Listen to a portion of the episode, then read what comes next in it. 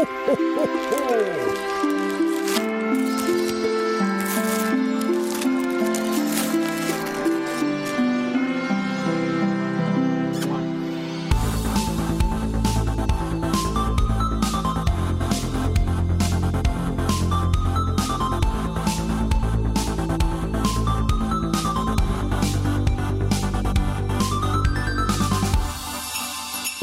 ho, ho, ho. ho. Här sitter vi nu. Det är ju sista dagen på 2023. I alla fall när det här avsnittet släpps. Sen om ni lyssnar på det samma dag, det återstår att se. Men eh, jag sitter här Fredrik, med mig har vi Danny och Matte i det här 434 avsnittet. Och eh, ja, julen är ju på många sätt bakom oss nu. Mm. Um, och när ni hör det här, här, å- det här då så flämtar året 2023 på sina sista desperata andetag. Och det är ju då ett år som har kantats av enorma upplevelser. Det är ju liksom spel som verkligen slagit hårt ner i våra små gamerhjärtan. Um, något som ni kommer att höra då i, i det beryktade Goti-avsnittet som kommer nästa vecka.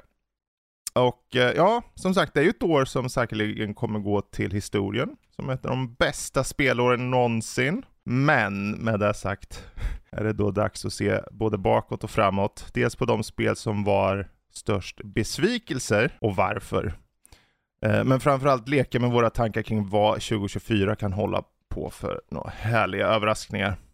Eh, så i det här avsnittet så samlar vi våra upplevelser likt en nyårskaramell som både består av potentiellt sura speluppstötningar och förväntansfulla blickar mot 2024 års mumsbitar.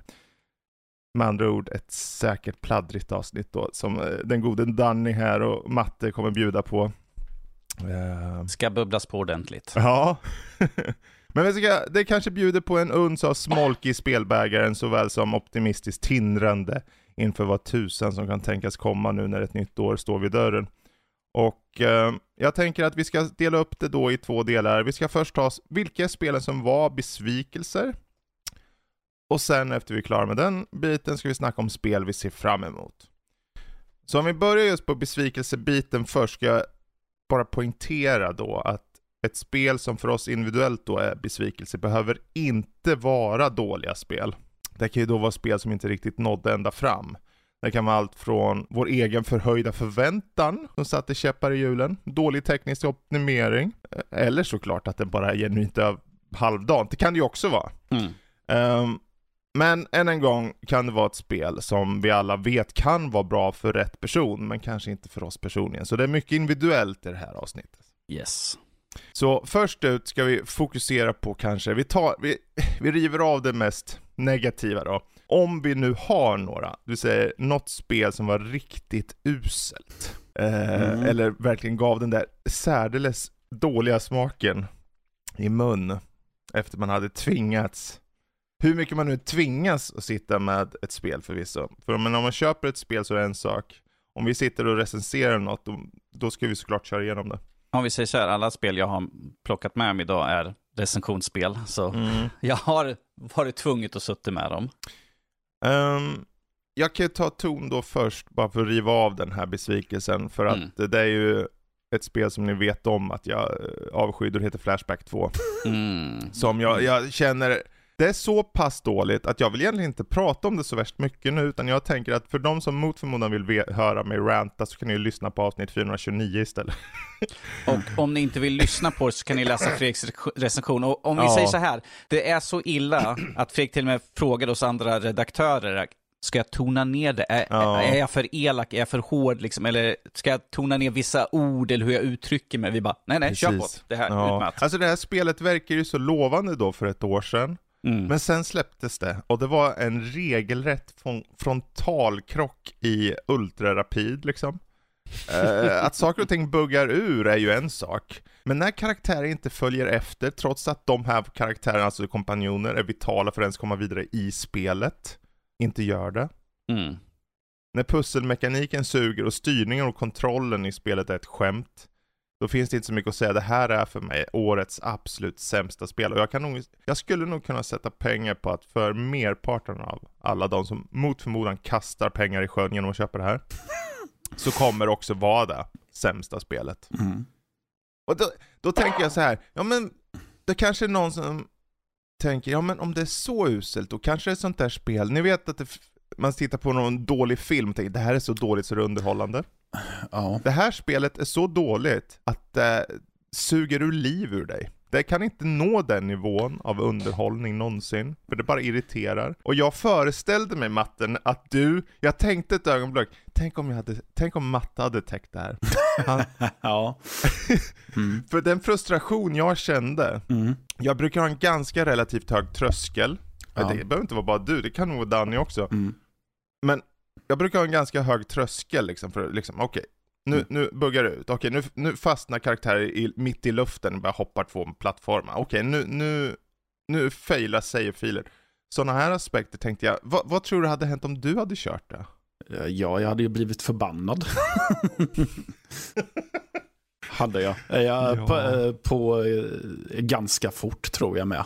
Mm. Eh, faktiskt. För jag... Men det, jag ska ju säga att Mm. ba, det händer ju bara typ hela spelet igen. Ja, ja, då är det ju ännu värre. är det. Ja, nej, jag... Ja. Ja. Så. Nej, vi ska inte hålla oss Mm. på det här. Jag vet inte, Mm. ni såg ju bilderna på det. Har ni några slutgiltiga tankar eller slutliga tankar om just Flashback 2 innan vi på riktigt bara halsen har du tänkt? Nej, jag har inte så mycket. Jag har inte spelat det själv Nej. så. Nej, Mm. jag tänkte om det var något ni säger, ja men den här aspekten, det kanske finns något i det. det försök att hitta något, eller ja, jag vet. Men Mm. jag, jag tänker mest så här, är det så dåligt att man kanske vill bara testa för att se ifall det verkligen är så dåligt? För jag tänker så Mm. på Gollum-spelet. Jag har sett Ja. folk som har spelat bitar ur och jag bara, det är så att jag vill testa det bara för att se ifall det är riktigt så himla uselt. Mm, Ja, precis. Det är väl lite Men, där men jag efter, är jag, också. jag, jag, jag, jag korrade ju din session och jag har pratat med dig om spelet också så att jag känner att nej, eftersom vi har ganska snarlik smak på spel så känner jag att ifall du känner så här väldigt mycket obehag och liksom att det Ja. kryper i kroppen bara att prata om spel så jag nej, kanske inte vill testa på det då. Det är en sån low effort bara. Det, det är så här, de, och då såg det bra ut också. För ett år sedan. Mm. Jag vet inte vad de Mm. har gjort. Men det var i alla fall, som sagt, det är först ute då de spel som på riktigt var usla. Vi ska gå sen till de spel som kanske var mer besvikelser. Mm. Har ni något som ni känner var genuint uselt? Eller ska vi gå vidare? Ja, Har så jag har väl eh, två stycken jag skulle kunna välja i så fall. Mm. Eh, om jag fick ha mer än ett vill säga. Ja, men börja med en så kan vi hoppa till Danny så kan vi gå tillbaka till Ja, okej. Ja, och då är det ju passande med det som jag tänkte att börja med, med tanke på att du pratade om Flashback. För jag Mm. har Lunark, som eh, är Ah. ett spel som eh, hyllar eh, Flashback och Another World. Det är alltså ett hommagespel till det spelet som Fredrik täckte en uppföljare till. Då. Eh, och Problemet är ju att ja, jag tycker att historien är intressant och jag tycker att eh, settingen är intressant för det är en eh, framtid där vi har koloniserat månen. Eh, är det. Men spelet är så fruktansvärt stelt. Alltså de, de har bara... De har ju, visst, det ingår väl i hyllningen till de gamla spelen att du ska ha de gamla spelens styrning, men lite efter tidens tand måste du väl ändå anpassa det tycker jag. Så spelet är fruktansvärt svårmanövrerat och styltigt. Och ja, jag kan inte komma på något annat än att säga att det, det känns omodernt helt enkelt. Mm. Gör det. Eh, och, Det är ju typiskt då att det är någon form av hom- hommage eller någon liksom, eh, att den liksom härstammar idémässigt från just Flashback då. Mm. Ja. Ja, Ha- Hade, ja, hade du något mer på det eller ska vi hoppa till Danny? på Lunark, nej alltså jag Mm. vet inte hur mycket mer det finns att säga om det riktigt. Nej. Så. Nej, nej. Mm. Har du någon eh, riktigt uselt spel innan besvikelserna? Eh, jag har en som jag är lite grann i limbo där mellan besvikelse och dåligt. I alla fall för den när jag spelade det här spelet Mm. och det är ju såklart Redfall.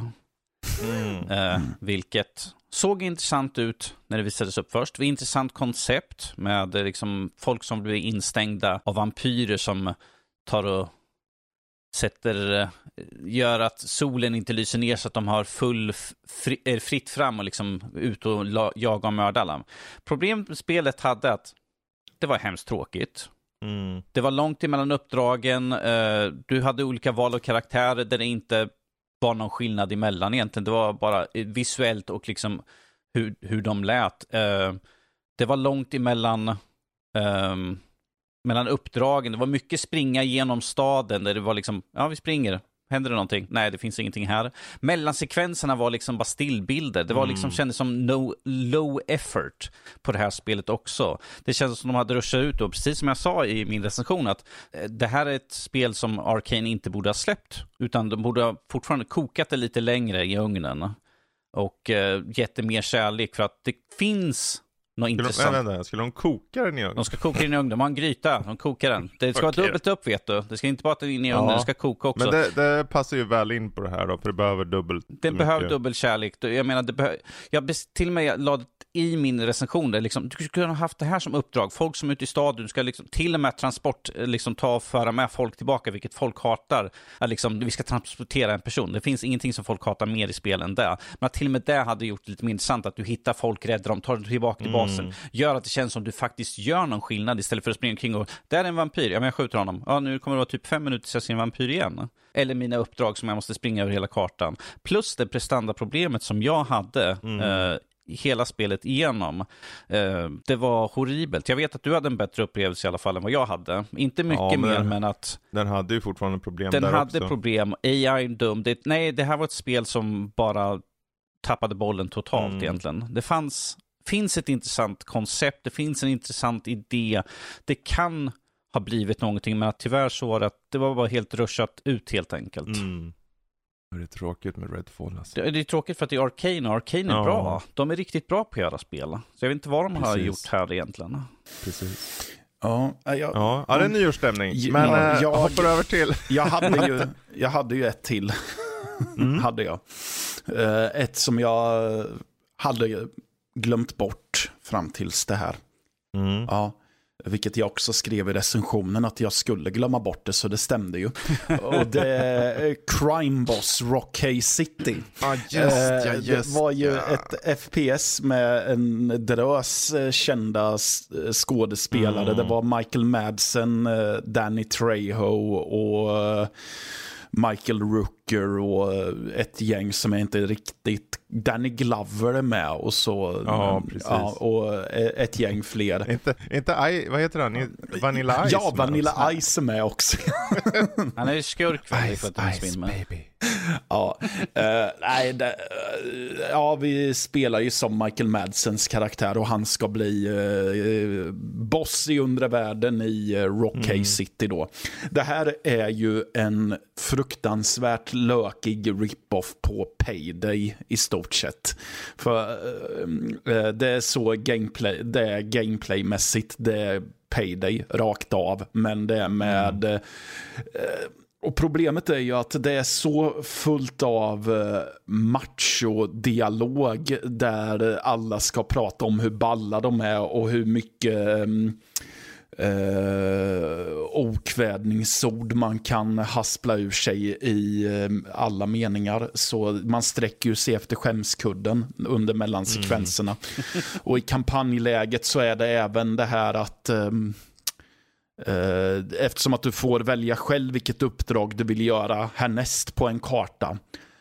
Men du blir ju inte vägledd om vad som är bäst att göra härnäst, utan du lämnas bara med kartan och så, så gör någonting. Och ja, eh, väldigt intetsägande. Som sagt, mm. det är ju, det, det går ju inte att inte tänka Payday när man spelar mm. där. Eftersom att nu när jag dessutom har spelat Payday 3 så blev det ju bara ännu mer tydligt att uh, ja, det här spelet är ju en väldigt dålig kopia av just det här. Uh, ja. så. Och det leder ju när jag spelade av det att, uh, karaktär, att uh, NPCer laddades inte in ordentligt i kartan så du såg ett mm. svävande vapen ibland och lite så. ja. Ja, så här Ja. klassiska fel. Men det, det Mm. var ju mycket av det där var ju just på grund av den här lökigheten Ja. med de här skådespelarinsatserna som var så, Ja. Nej men alltså så här, vad heter det, köpta liksom. Det kändes som att de bara gjorde på beställning. Det var ingen effort Ja, och ett nästan. manus där, just det, Chuck Norris är med också, kommer på nu. Gud, ja. Han var någon sheriff. Ja, jajamän. eller? Ja. Eh, nej, men eh, lite så här att det är en, no, en Hollywood-novis, Hollywood-nybörjare har fått den här casten och ska skriva vad han tycker är den coolaste actionfilmen som finns. För det är så replikerna låter, att ah, vi måste hela tiden eh, få fram att de här karaktärerna är coola. Ja. Så, det, det är det. Det är ett spel som tycker att det är coolt och ballt. Är det. Och uselt då. Det är väldigt uselt. Det är det. Ja. Så. Mm. Ja men då så. Eh, om vi då, jag vet inte om vi snällar till det, det beror på hur man Mm. ser på det. För jag tänkte just andra punkten jag har just spel vars upplägg bäddade för optimism, optimism men kanske inte nådde hela vägen och var då mer för oss personligen besvikelse. Det betyder ju inte att spelen för många andra är besvikelser eller ens dåliga. Mm. Ehm, utan att man får, man kanske sätter en, någon slags förväntan och sen nås inte den. Mm.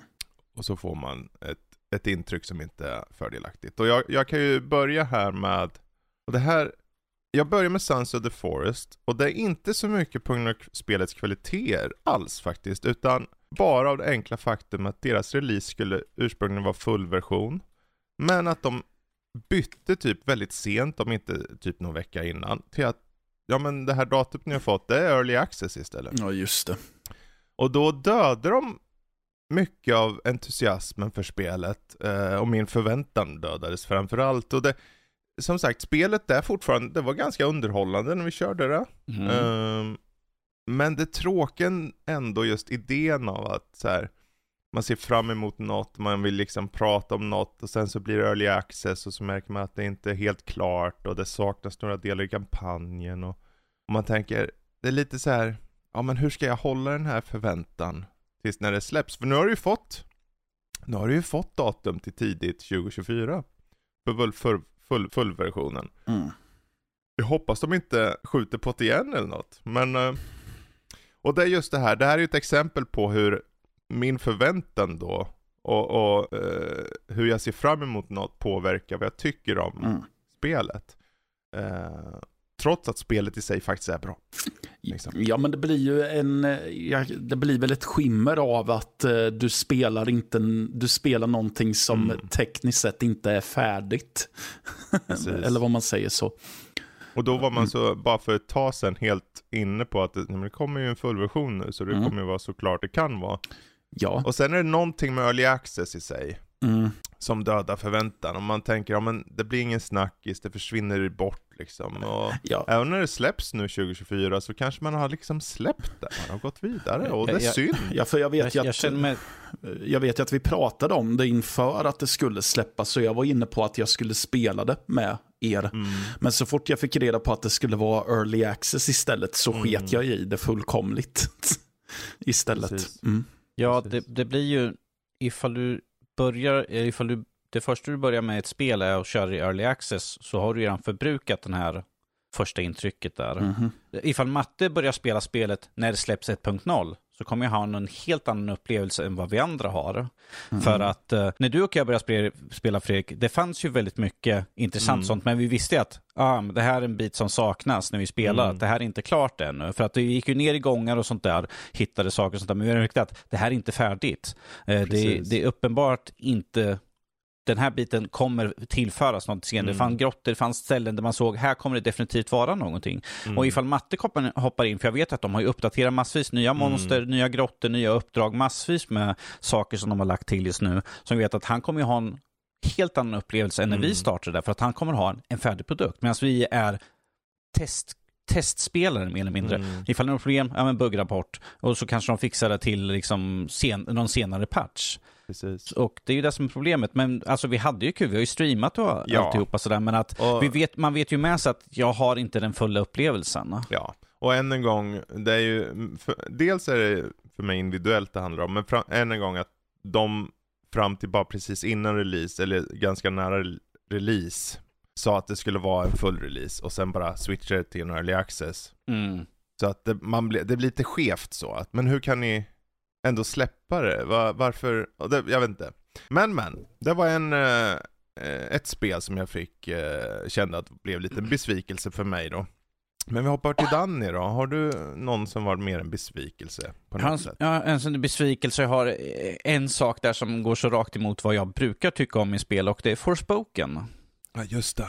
Eh, ett spel, öppen, öppen värld, pluppar på kartan, Mm.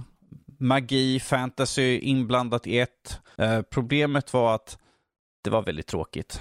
Mm. Det var ett ojämnt gameplay. Det var precis som med Redfall, det var långt emellan uppdragen. Du fick åka extremt, köra din magiska parkour Mm. eh, över väldigt långa sträckor för att göra ett litet uppdrag och sen tillbaka. Det finns såklart eh, att man kan snabbhoppa emellan, men att när du ska ta dig dit första gången, det var inte kul. Och speciellt för mig som tycker om att plocka pluppar på kartan. Mm. Jag sa till och med att det är för mycket, spelet måste dras ner för att det är så mycket död yta. Oj. Det, finns, det, är ba, det är pluppar men det finns ingenting emellan Nej. plupparna.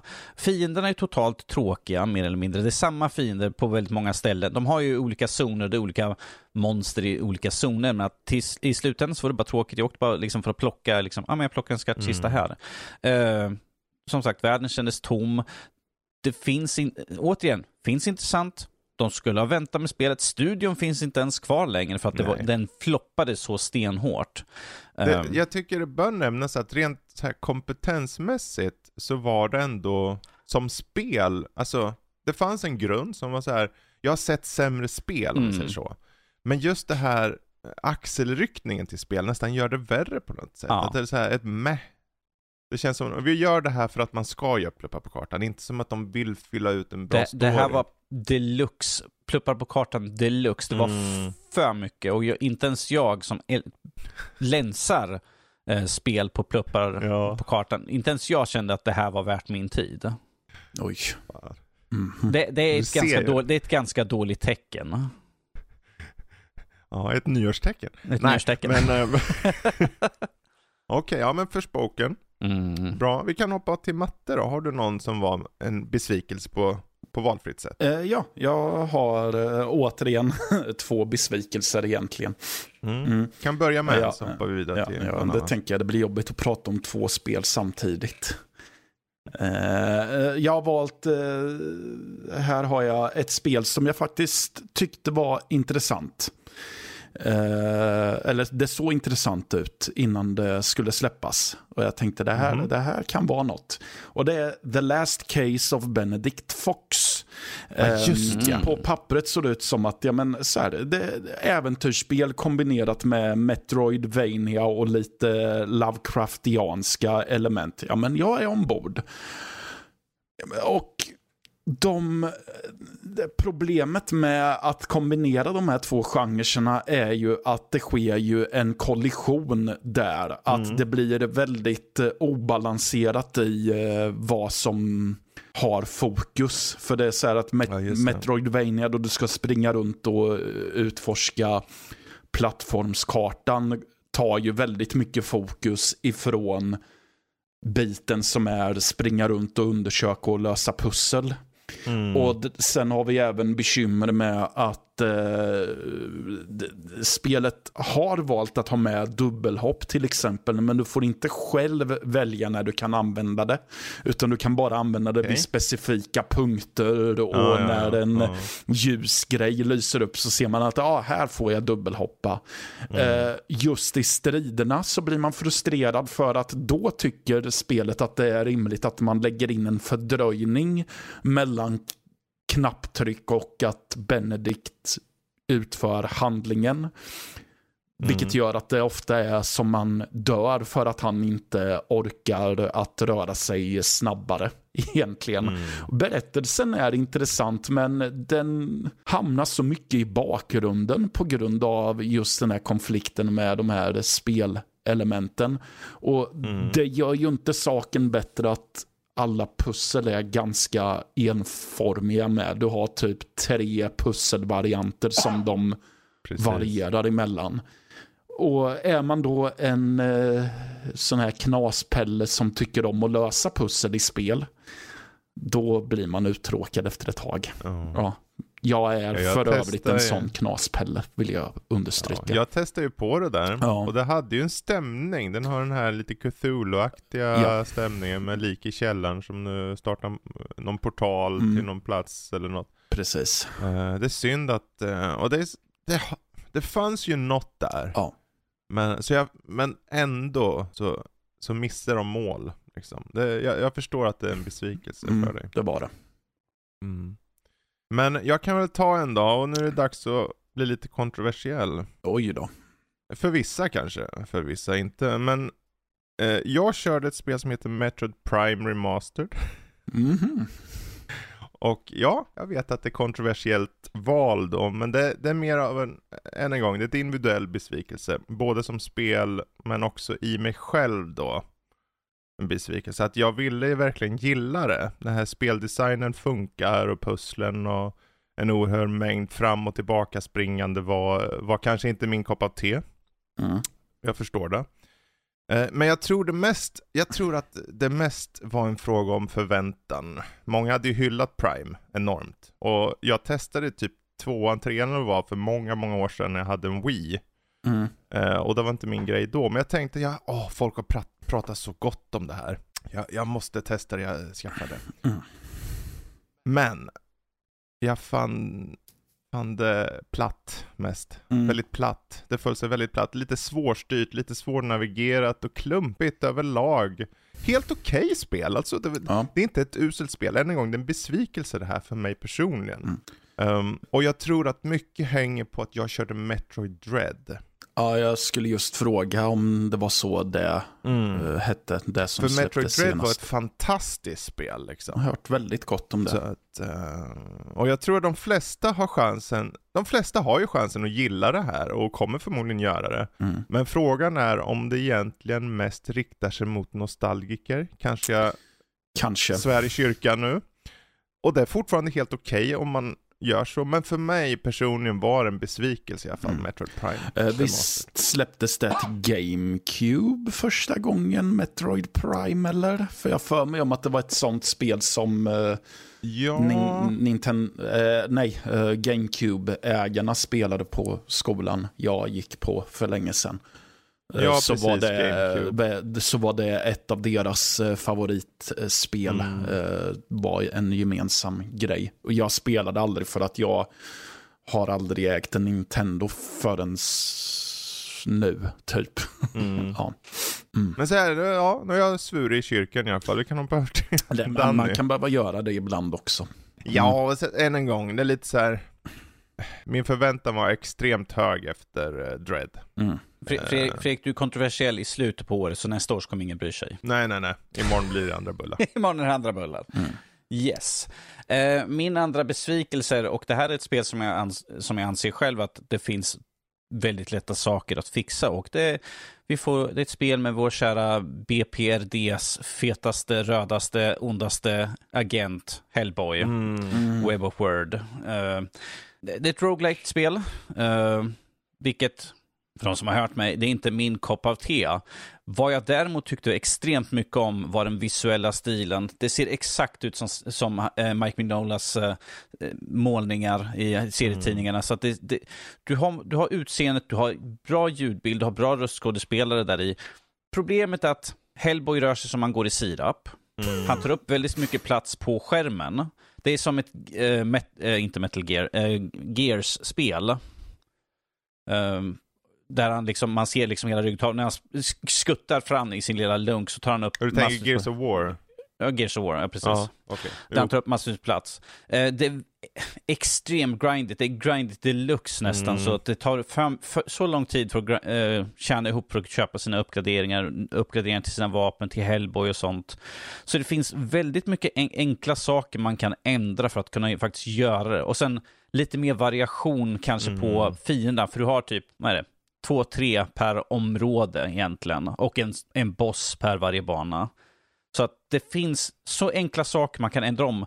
För att jag blev trött för att det var så mycket, det var rinse and repeat, det fanns ingen Mm. variation, det är mer eller mindre, du går runt på banan, du hittar alla lådor och alla saker du kan tjäna pengar, slår ihjäl alla fiender och sen är det en boss. Mhm. Väldigt tråkigt. Det, jag tyckte det var intressant, man stötte på någon som man fick höra lite dialog utav, man bara oh, det är lite historia här. Ja, ja, nu är det slut, okej nu får jag gå och dunka skiten ur någon till fiende. Ja.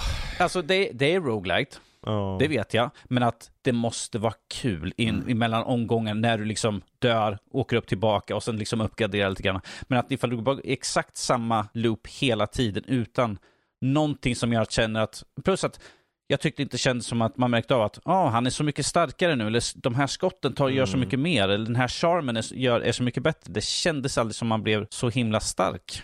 Och Hellboy borde, ja, mer eller mindre, jag använde bara att slå med eh, hans hand, hans stenhand. Det var typ det, vapen, det var, nej, det är bara ifall det är någon gubbe långt bort. Sen är det ju också det att Hellboy är egentligen oförstörbar utifrån Yes. serien. Så att, eh, men det är, så här, det är ju en besvikelse i sanning där, för jag körde också på det här. Jag var ju var tvungen kände jag. Ja, jo, jo, du om någon.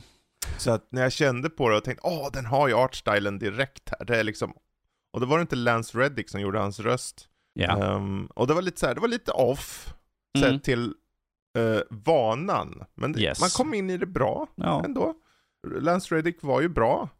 Ehm, men sen kommer gameplayet in och fuckar upp allt. Men det är så här, varför kan, de, varför kan man inte göra ett bra Hellboy-spel? Var, varför var de tvungna att göra en roguelike? Det är så här, varför gör ni inte en tredjepersons äventyr? Alltså det är Uncharted-liknande Ja, äventyr som ni ska göra med Det här är Hellboy. ett Inte spel, här. Mike Mignola är inblandad i det spelet för han har varit med och skrivit historien för det här Ja. spelet. Så han är ju direkt involverad, Mm. gett dem direktiv på artstylen att måste ha, tänk på den här, tänk på skuggorna liksom och hur du ska liksom göra Mm. allting. Så att han var ju djupt involverad i, i det här. Så varför gjorde de så här? För att, och det här vet du Fredrik, att det finns så mycket historier. Hellboys huvudhistoria, det finns sidohistorier. Ja. Som fin- det finns så mycket intressanta karaktärer man kunde gjort någonting utifrån. Och, ja, det är ju berättandet överlag, för egentligen det stora är ju det poetiska berättandet. Det är lite så. Och sen är ju han som karaktär en one-liner karaktär med Mm. djup, tro eller ej. Ja. Ehm, I alla fall utifrån serietidningar. Så det är så synd att de waster potentialen i det. det särskilt när det liksom bara på första anblick ser väldigt on point ut grafiskt sett. Ja, jag kan, jag håller med om den. Ja, jag menar, jag sitter just nu och tittar i, i min recension och varje bild ser ut som det är taget direkt från serietidningarna. Mm. Vilket är hemskt när man tänker på hur, hur tråkigt gameplayet var sen. Ja. Att det ser fantastiskt ut, men att usch. Är det inte lite tjatigt nu med roguelike? Är det inte dags Jo. vi går vidare? Jag det, det, tycker det är synd det. att på när Game Awards var så fick vi utannonserat av eh, de som gjorde, åh vad heter han som har ett ljus till huvudet? En eldsflamma till huvudet.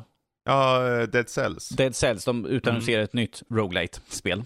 Ja, och där är det roliga där var att där såg det ut som att de ändra sin formula, för de har- vet, vet ju åtminstone sin formula. Och Mm. sen gör de den här top-down-vyn istället. Lite så. Precis. Men att, eh, ja, Hellboy, Web of Word, besvikelse. Mm. Men eh, Matte, har du en till liten goding där? då? Har Ja, du? ja, ett spel som är en besvikelse här. Som, det är väl att ta i om jag säger att jag såg fram emot det, men däremot så tyckte jag att det såg intressant och lovande ut. Och Mm, det är mm. The Lamplighters League. Jag Just tänkte att, ja. ja men lite eh, matinéäventyr och i, Mm. eh, det, det såg ut som att det skulle vara som eh, Wasteland ungefär, tänkte jag. Mm. Och Wasteland 3 tyckte jag väldigt mycket om och tänkte jag, men nu, det här kan ju bli nice. Jaha. Men det blev inte riktigt eh, nice. Nådde inte riktigt. Nej, det nådde inte dit för att det har ett, eh, det har ett upplägg så att jag tänker att ja, men, eh, det här ska väl vara ett multiplayer-spel egentligen för att du, du ser en karta och så startar du uppdragen via någon hubb, något hubbrum där. Så. Och så hoppar du in på det aktuella området och har ett specifikt mål. Så det är som att du kör banor, om man säger så. Ja, okej. Eh, vilket får mig att tänka, men då ska det väl vara ett multiplayer-spel egentligen. Eh, Så det, det var väl en grej att jag kände att varför var det inte som en konsekvent berättad eh, historia typ eller något sånt. Och det är tråkigt för jag gillar karaktärsgalleriet jättemycket Mm. och jag tyckte om utseendet och jag gillade musiken. Men allt det här Mm. gör att ja, men tempot haltar och det blir väldigt enformigt och det blir väldigt hoppigt. Det blir att man Mm. hänger inte riktigt med i berättelsen heller. Och sen har vi ju problemet med turbaserat och det är väldigt många fiender. Det är att eh, det tar en jävla tid för fienden att bli färdig till slut. Också. Och det fanns inget sätt att snabbspola. Och sen Nej. var det ju en grej som jag glömde att belysa sist. Det är ju att eh, på flera fienders ställen när du blir upptäckt så kan, de till, så kan fienden tillkalla förstärkning och du får se fyra symboler som liksom räknar Mm. ner innan de kommer. Förstärkningen alltså. Men det finns inte ett enda sätt för dig att förhindra förstärkningen att komma. Jaha. Vilket är så här, jaha men varför ska jag då överhuvudtaget veta hur lång tid det är kvar innan de kommer? Nej, precis. Jag är ju fucked oavsett i så fall. ja. Ja, Lamplighters League, ja, skippa den då. Ja. Ja, ja, Det är synd, för den har ju något, det visuella och så, och just matiné-feelingen där. Ja, och det är fler än jag som Ja. tycker det. För eh, jag tror att Paradox gick väl ut strax efter att, det- eller några veckor efter att det hade släppts och medgav att det här har inte gått så bra som vi hoppades på att det skulle göra. Nej. Men helt och hållet verkar de inte ha gett upp på det för de eh, har tydligen skickat ut någon ut, uppdatering med någon ny karaktär nu eller Mm. så. Men jag lär inte studsa in i det den närmsta Nej. framtiden. De Mm. har fått sitt. Ja, Ja. Hade du någon besvikelse kvar där nu? Eh, jag har en som uh, med på det, bara det tekniska planet egentligen. Mm. Där en, uh, var en besvikelse. Ehm, och det är Robocop Rogue City. Mm. eh, som bara på ett tekniskt plan egentligen. Jag hade några andra sådana här små saker eh, i, som minus på nej, i min recension, men att det, det är så, mini, så minimala saker egentligen. Det är ju mest det här att spelet hackar Ja. och inte funkar. Även när jag var i ett område som för ja, eh, vi kan ju ta det från början. Spelet hade ett mer eller mindre ett krav att du var nöjd att använda en NVMe, alltså en jättesnabb hårddisk. Mm. Eh, en modern, den nya moderna hårddiskarna som läser typ upp till 5000. ja. eh, Eller i- sju till och med. Eh, till och med sju, ja precis. Eftersom det här är ett spel som är tänkt att släppas till current Mm, gen-konsolerna och de använder båda NVMe. Och då är spelet utvecklat En mer. NVMe, så det är utvecklat för att kunna ha en M2. snabb inlastning. Men även, och när man rör sig över kartan så laddar den in det nya området. Mm. Fast det syns inte, det är bara att det blir lite liten stuttering. Så där Mm. kunde jag liksom ta att det fanns.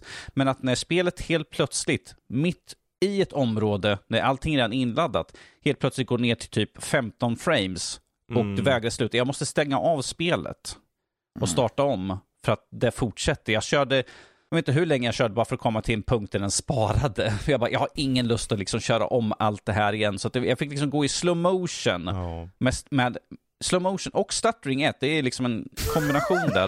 Och försöka skjuta karaktärer, sakta sikta liksom på gubbar. Jag bara, det... Ah, Det värsta är ju just när det sker i spel som man tänker, men det här är ju faktiskt roligt. Och sen sker det. Optimeringen eller pre-shaded compilation grejer och sånt som kommer Mm. just där. Så att, för, för jag menar, utöver det, Mm. det, alltså, det var så mycket, jag hade så mycket tekniska problem att det inte fick en utmärkelse. Hade det inte varit något sånt, det, Mm. hade, det här är ett spel som utan problem hade fått en bra köp, rakt upp och ner, Mm. utan problem. Det har exakt allt jag förväntar mig från en Robocop-film. Visuellt, ljud, vi har Peter Weller tillbaka som gör rösten igen, du Mm. har liksom skurkarna, du har liksom allt som... Ifall du tittar på film och tittar på det här så det känns som du har liksom gått, bara, det är sömnlöst emellan. Precis. Eh, så det, det var en teknisk Ja. tekniska problem med ett spel kan verkligen förstöra hela upplevelsen och liksom Ja. ta ifrån det allt det goda som Precis. finns med det. Ett bra exempel ändå. Mm. Och det är på ett sätt, jag tycker folk fortfarande ska kolla in spelet för den får ganska relativt ofta uppdateringar har märkt och så. Mm. Och, så att eh, det är inte ett spel som är genuint uselt, mer som att den här optimeringen och första Mm. intrycken blev ju så som den För, fick. för, jag, för jag liksom. skrev, det sista jag skrev i min text är att jag rekommenderar att vänta in med ett köp till PC, alternativt att skaffa det till konsol istället. Mm. Så att liksom rekommendationen finns där fortfarande. Precis. Men det är bara att vänta på att det blir lite mer fixat så att säga. Exakt, exakt. Eh, jag kan ju ta ett här, jag tar en lite kort, jag kommer inte ihåg hur många ni hade kvar, men att... eh, Jag har, det här var min sista jag hade. Ja. Jag har eh, egentligen ett par kvar, men att först river jag av en snabbis. Det är ett spel som heter Bomb Rush Cyberpunk. Ja. Mhm. Ja, ja. Alltså, jag stod inte ut med det. Nej. Grafiska stilen, gameplay, jargongen, det var outhärdligt avskyvärt på många plan för mig personligen. Eh, det är fine om du gillar Jet Set Radio och den här gamla liksom eh, Playstation-eran och så, då kanske den faller dig i smaken. Mm. Eh, och jag menar, det är inte utifrån något som i Robocops fall, något teknisk plan eller något. Det är Mm. bara, det är någon som har spytt på skärmen lite grann. Jag stod inte så. ut med ja, det. Jag håller med. Men alltså det tro, stora var ju bara att det var inte roligt någonstans. Nej. Man skulle göra någon graffiti, man skulle Mm. åka på rails liknande och det var så här, Mm. ah, det är så förlegat. Ja. Men jag är å andra sidan kanske inte rätt person. Nej, det... Så att jag gav det en chans, det var inte för mig. För Ja. någon annan kanske är det. Men jag personligen ser det som en besvikelse. jag, jag hoppade in i det rätt nyligen igen. Och jag håller ju med dig om Mm. allt. Men eh, jag var ju också, jag är ju nu vid ett tillfälle där jag inte kommer vidare för att jag förstår inte vad spelet vill att jag ska göra. Och då bör det sägas att du är ju vår pusselnisse. Du säger, ja men det här är ju bara ett uh, pek-och-klick-äventyr som är supersvårt och så klarar du av det på en kvart. Eh, Ja, men eh, jag är här att jag åker runt men fattar inte vad, vad fan vill ni att jag ska göra här egentligen? Jag, jag kommer ju Och den, testa eh, på det. och den det, det finns ju på. Game Pass. Mm. Det finns ju på Game Pass, så jag ska ju testa på det. Jag har ju kört Jet Set Radio in, Mm. in the olden days. Så jag vet ju vad jag har att ge mig in på där, så det skulle bli intressant att se vad ifall det här på något sätt sticker... Ja visst, du byter ut huvudet på karaktären och ett robothuvud, men att han har fortfarande Ja. sina tankar och så... Jag förstod inte. Ja det där var, det var udda. Ja. Det är Men udda, det, så att det är en jag, slags jag, är, skruvad humor jag är som bara inte mest nyfiken slog. att se liksom på gameplayet ifall det känns precis som uh, Jet Set Radio och eh, jag tyckte inte om Jet Set Radio när det begav sig. Jag tyckte att det var Mm. tråkigt, så det, fanns, det finns folk som tycker om det, det har en liten Mm. fanbase, men att för mig var det ingenting. Så därför ska det bli intressant att se ifall det här kanske har någonting nytt. Kanske gör att gameplayet känns lite okej. intressantare än vad originalet Du, gjorde. du är nog bättre på att avgöra det som har kört Ja. originalet. Ja, det är därför Jag, jag, jag har inte kört så. jag bara känner till originalet, så när jag kör det här så är jag ganska clean slate. Ja. Upplever det som, och jag säger, ah, grafiska stilen och, är ju en sak, för det utseende, alltså om något är roligt kan det vinna ändå. Mm. Men när de har den här jargongen i, i mellansekvenser, när man pratar med folk och sen har du gameplay, du håller på att slida runt och det Mm. är stelt och styltigt, det är inte roligt någonstans riktigt Nej. för mig personligen. Eh, Vill man spela ett modernt spel med skating i så ska man Mm. köra Radiodrome. Så, nej, eh, Rollerdrome. Rollerdrome. Radiodrome är en, en podcast. Kommer på. Roll Drums. Och för de som är nyfikna så finns det på Game Pass. Eh, ja, Precis, exakt. skjut folk Nej, på men- sk- skridskor. Eh, Exakt. Och det, det, där, där, där åker man minsann inte runt och undrar vad begär spelet av mig. För målet är alltid tydligt. Nej. Skjut alla fiender. Det här spelet kan inte vara mer tydligt. Nej, liksom. exakt. Femte bästa spelet 2022 för, enligt Nördliv. Jajamän. Ehm, De säger så jävla mycket om den här. jag hade fler, men jag tänkte, var det någon av er som hade något mer? Nej, jag hade ingen Eh, mer. Jag kan väl kasta in en Ja. till eh, för lite good measure. Och det är ett spel, Mm. det är också ett Metroidvania och ett Mhm. roguelike. Det, het, Ja. det heter Have a Nice Death. Ja, just Ja. ja. den. Ja, och här har vi ett spel som jag varit... Ja, men här har vi verkligen en besvikelse. För jag var väldigt sugen på det här spelet även när jag började spela det. För jag, det, det är mycket jag gillar med det rent konceptuellt. Att ja, men det är döden som är utbränd helt enkelt. Mm. Och det är vad spelet handlar om. Du ska slåss Ja, men du ska ta dig ur en utbrändhet och det, det är lite uh, rolig parodi på kontorsarbete och lite så. Men det... Jag tycker att det förstörs av att det är ett roguelike och att det är permadöd mm. och grejer. För det är inte roligt att börja om från början.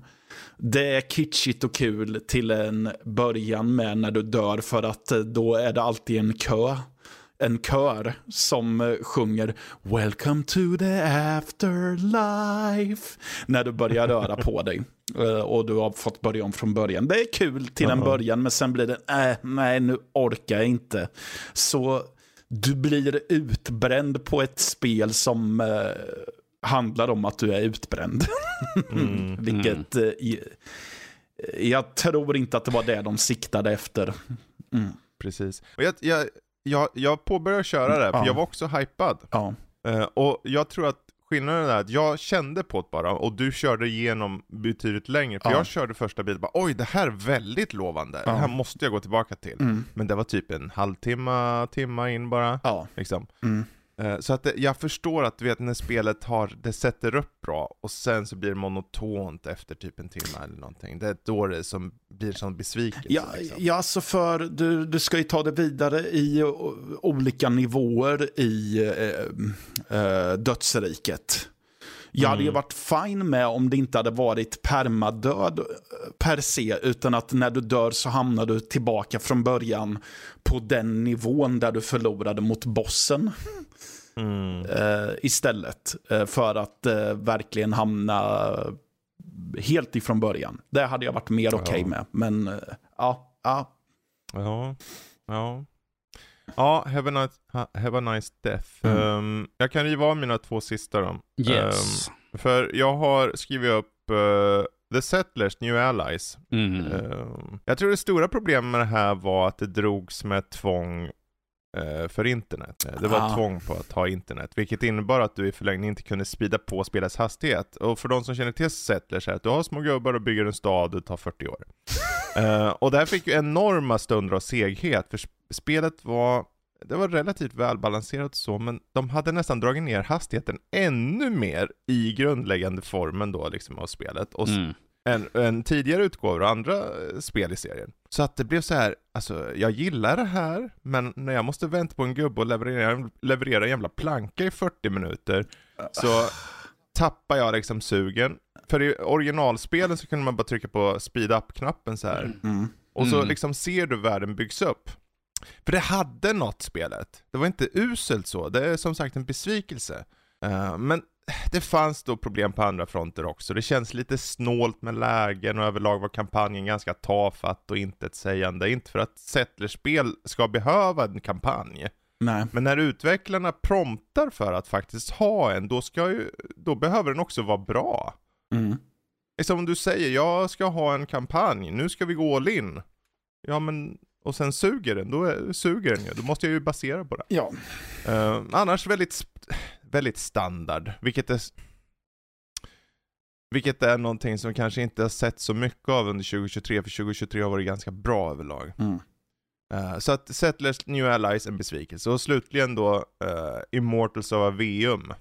Mm. Ja, och det är liksom ett Mm. Det är ett svårt spel att precisera vad som gick fel. Det hade produktionen, spelmotorn, det var ett coolt upplägg som dessutom var någon slags mix mellan FPS med magi och halvmysig fantasy sci-fi. Jag menar, det var ganska coolt sett till det när du sprang runt och vispade fram din jävla magi. Um, men spelets utforskande, det här mest grundläggande, var ganska tomt och monotont. Mm. Och framförallt var manuset till synes gjort av någon jävla 14-årig hip Eh, youtuber Brat eller någonting. Ja, som ville få allting att bara vara så coolt och häftigt som det var. Mm. Och fick aldrig något, du vet man får ingen relation, man relaterar inte bara. Mm. Karaktärer blir platta och spelet blir platt och spelandet blir platt. Och det är inte dåligt, det är inte bra, mm. men det är en besvikelse. Äh, mm. Drogs det inte av det här som jag har, ett, väldigt länge kallade för Eli Roth-bekymret att uh, hur ska jag tycka om en karaktär när varenda en är en douchebag? Lite Ja. så, men det var med så här, de var så tomma karaktärerna. Mm. Det, ändå så, jag körde igenom spelet, gameplayet när det blir som bäst är faktiskt roligt. Mm. Det har någonting och jag är så ledsen att de inte gjorde mer med det, för det är snyggt som as och karaktärernas liksom, utseenden ser jättebra ut, realistiskt. Mm. Kul med formler i händerna och bara skjuta iväg och ha variation. Men lite förenklat. Så. Immortals of Aveum är kanske inte... Men om ni kommer över på en rea så skulle jag väl säga passa på. Annars Mm. undvik. Så, nu, nu kanske det är dags att försöka bli lite mer positiva. Jag menar, vi, vi ska ändå se mot det nya året som kommer här snart. Eh, Ja. Men innan, jag tänkte överlag för 2023, var det många dåliga spel? Mm, nej. In, inte som jag har kört. Jag vet ju att vi har haft Gollum, vi hade det här Kong-spelet. Mm. Eh, vi har nu Days Before, som The Day Before, som, ja, The Day Before som släpptes och har bara negativt nästan. Mm. Så Bara- väntat också, Så- alla ja, sa det på förhand. Ja, jo, jo ja, men det här, jag tror inte den skulle komma ut i först och främst och jag hade ju inga, ingen tro på att det skulle bli bra baserat utifrån vad man har sett Nej. ifrån dem. Så det, alltså, överlag så tycker jag spelet, eh, spelåret har varit bra. Det har ju varit några, som jag, de här som jag nämnde till exempel, som har varit tydliga dippar. Mm. Men att på de två förstnämnda så hade de typ ett ett års utveckling, Mm. mer eller mindre. Så att det var ju bara spel som pumpades ut, bara för att. Precis. Vilket inte gjorde någon någon nytta för att de köptes och lämnades tillbaka ganska snabbt sådär. Mm. Förutom YouTubers som gjorde det bara för att, titta det är kul, vi kör igenom världens Ja. sämsta spel. Nej men sådär, jag menar överlag, de som var genuint usla för min del var ju egentligen först och främst Flashback 2 och på ett sånt år som detta med mängder, mängder, mängder av fantastiska spel så är det verkligen undantaget som bekräftar regeln. Precis, och de, de som jag räknade upp här ju, ursäkta mig, är ju spel som ganska enkelt egentligen skulle kunna fixas, eller ifall de bara hade Mm. fått ett år till polerande, fixandes. Precis. Så det är inte spel som är helt borttappade, utan det är spel som kan fortfarande fixas Mm. med lite extra kärlek. Mm. Och vissa i de fallet som jag lyfte så är det ju en fråga om vem du är också. Mm. För mig var vissa av dem besvikelser, men de är inte dåliga spel för det. Mm. Vissa. av dem. Ja. Ja, men 2024 Yes. är ju ett år som eh, droppar in här imorgon. Eh, och eh, först ut tänkte jag att vi ska eh, prata om spelen vi vet kommer. Eh, de som har satta datum. Ehm, för det är ju nämligen så att det finns ju, det har ju kommit ut annonseringar på både det ena och andra. Eh, Men det är inte alla som har ett exakt datum. Och vi tänker vi börjar där. Vilka är det då spelen som vi kanske faktiskt ser fram emot? Om vi tar två, tre spel var, eh, utveckla lite till varför och sen kan vi snacka lite mer om saker och ting efter det. Mm. Så om, eh, ja, Danny, har du någonting som är mest emotsett för dig? Eh, ett spel som jag ser fram emot, oj, nu gjorde jag visst en fel sak här i min. Ett spel som jag ser fram, väldigt mycket fram emot, som jag, vi har ju bara sett trailer, vi har sett ett kort gameplay-klipp, Mm. och det är Banishers Ghost of New Eden. Där Ja, vi just spelar det. som två karaktärer, ett par, där eh, man och en kvinna, där kvinnan, i de klipp vi har sett, är ett spöke. Mm. Eh, vilket gör att det blir en, en intressant dynamik däremellan för att de är båda, jag, jag får kalla dem spökjägare och utdrivare mer eller mindre. För att där man har sett i gameplay att du ska banisha spöken, äh, onda andar helt enkelt. Vilket gör att det blir en intressant komplikation för att hon är fortfarande kvar som spöke men att hon fortfarande kan hjälpa honom. Det blir som ett eh, skumt eh, kombosystem att i strider man ser så kan, eh, jag jämför det som Shadow of Mordor, att du kunde byta emellan och få specialkrafter från henne. Att hon Mm, kommer in, gör en mm. specialattack och sen kommer man tillbaka som mannen där. För hon är som spöke och sen är han en riktig man. Han är en riktig människa. fysisk Så att. Precis. Och att hon kan liksom, man använder en specialattack eller något Ja, sådär och så kommer hon in och gör en attack på spökena. Ifrån, eh, det är bara utifrån gameplayet, som, det klippet som finns. Mm. Och det är väldigt lite man får se där egentligen. Så att, men det som trailern liksom tar fram, liksom den känslomässiga grejen på de ett par, hon har gått liksom vidare med att vad Mm. de gör så kommer hon till slutändan känns det som att han måste också bannlysa henne någon Mm. gång. Så att det känns som att det kan bli en intressant historia därigenom hur de ska liksom ta sig igenom det och liksom Mm. för att även i, till death do us part säger man ju, men att här är hon fortfarande kvar. Så att det blir liksom, e någonstans efter döden så får vi gå skilda vägar. Men Precis. ser intressant ut, ser snyggt ut. Uh, så att jag, jag tror att det kan nog bli väldigt intressant. Ja, när kom det då? Uh, ska vi se här. Det är I eh, februari, 13 februari tror jag det var. Just det. Just det. Yes, 13 februari släpptes ja, det. Vad hade du mer då? Uh, vi har uh, uh, Outcast 2 A New Beginning. Ja. Mm. vilket är uppföljare på första Outcast. det här har inget datum, det är bara satt 2024. men det är sagt att det ska komma nästa år, så vi får hoppas att det inte flyttas. Mm. Men att det har, ser till skillnad från föregången ser ut som de har i alla fall gått, tagit väldigt många steg fram, framåt liksom med vapen, eh, RPG-systemet, flygasystemet först och främst, hur man tar mm. sig fram över kartan och sånt där. Så att det ser ju väldigt intressant ut. Precis, vi kanske kan snacka om den lite mer, för vi ska gå in på sen spelen vi hoppas får släppt datum. okay, okay, Så om okay. du tar bara de som har datum. Yes. Jag har inte datum. Om du har någon mer. Jag, jag har inte datum, datum uppskrivna på, så jag gör bara en snabb sån här.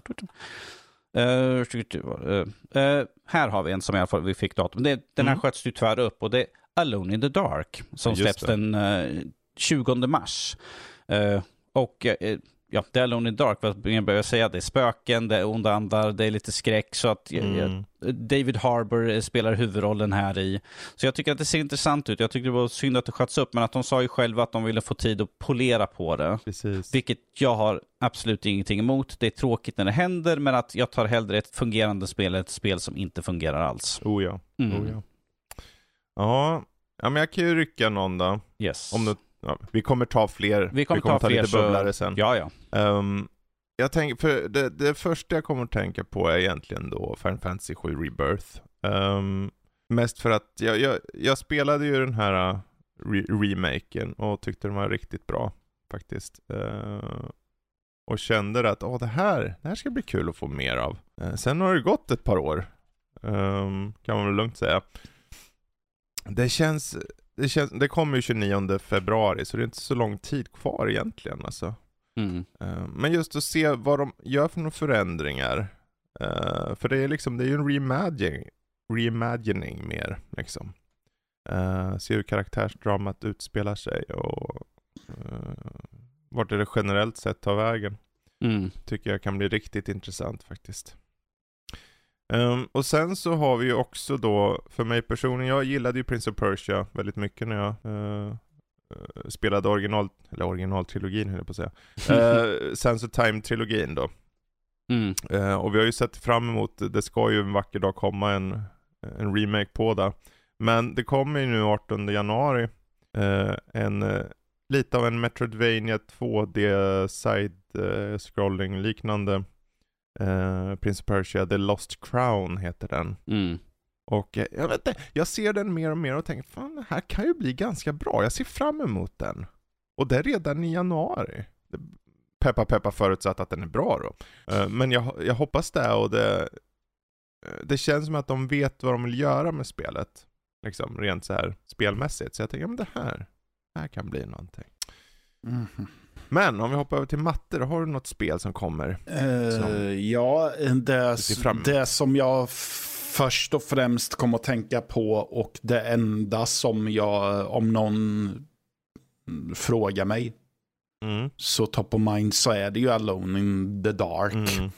Så, jag menar så är det, det är psykologisk skräck, gotisk skräck, 20-talet mm. och jag har, om jag förstått eh, vår gode Emil rätt så är väl är det författaren till Soma som har varit med inblandad mm. eh, i det också. Så, och Soma är bra grejer. Så. Mm. Eh, ja, förutom det så, ja det var ett spel jag gjorde en eh, förhandstitt på som verkar eh, få ett släpp i fullversion och det är, eh, vad fasen hette det nu igen? Uh, Aeon Wrath of Ruin tror jag, eller något ah, sånt där. Ja. En eh, så kallad eh, boomer shooter av eh, mm. 3D Realms är det. så. Ja, men det, det, jag har för mig att jag tyckte att det var kul. Uh, skjut allt du ser och uh, överlev. Wrath Aeon of Ruin heter det. Precis. Uh, så. Uh, släpps tydligen den 27 februari.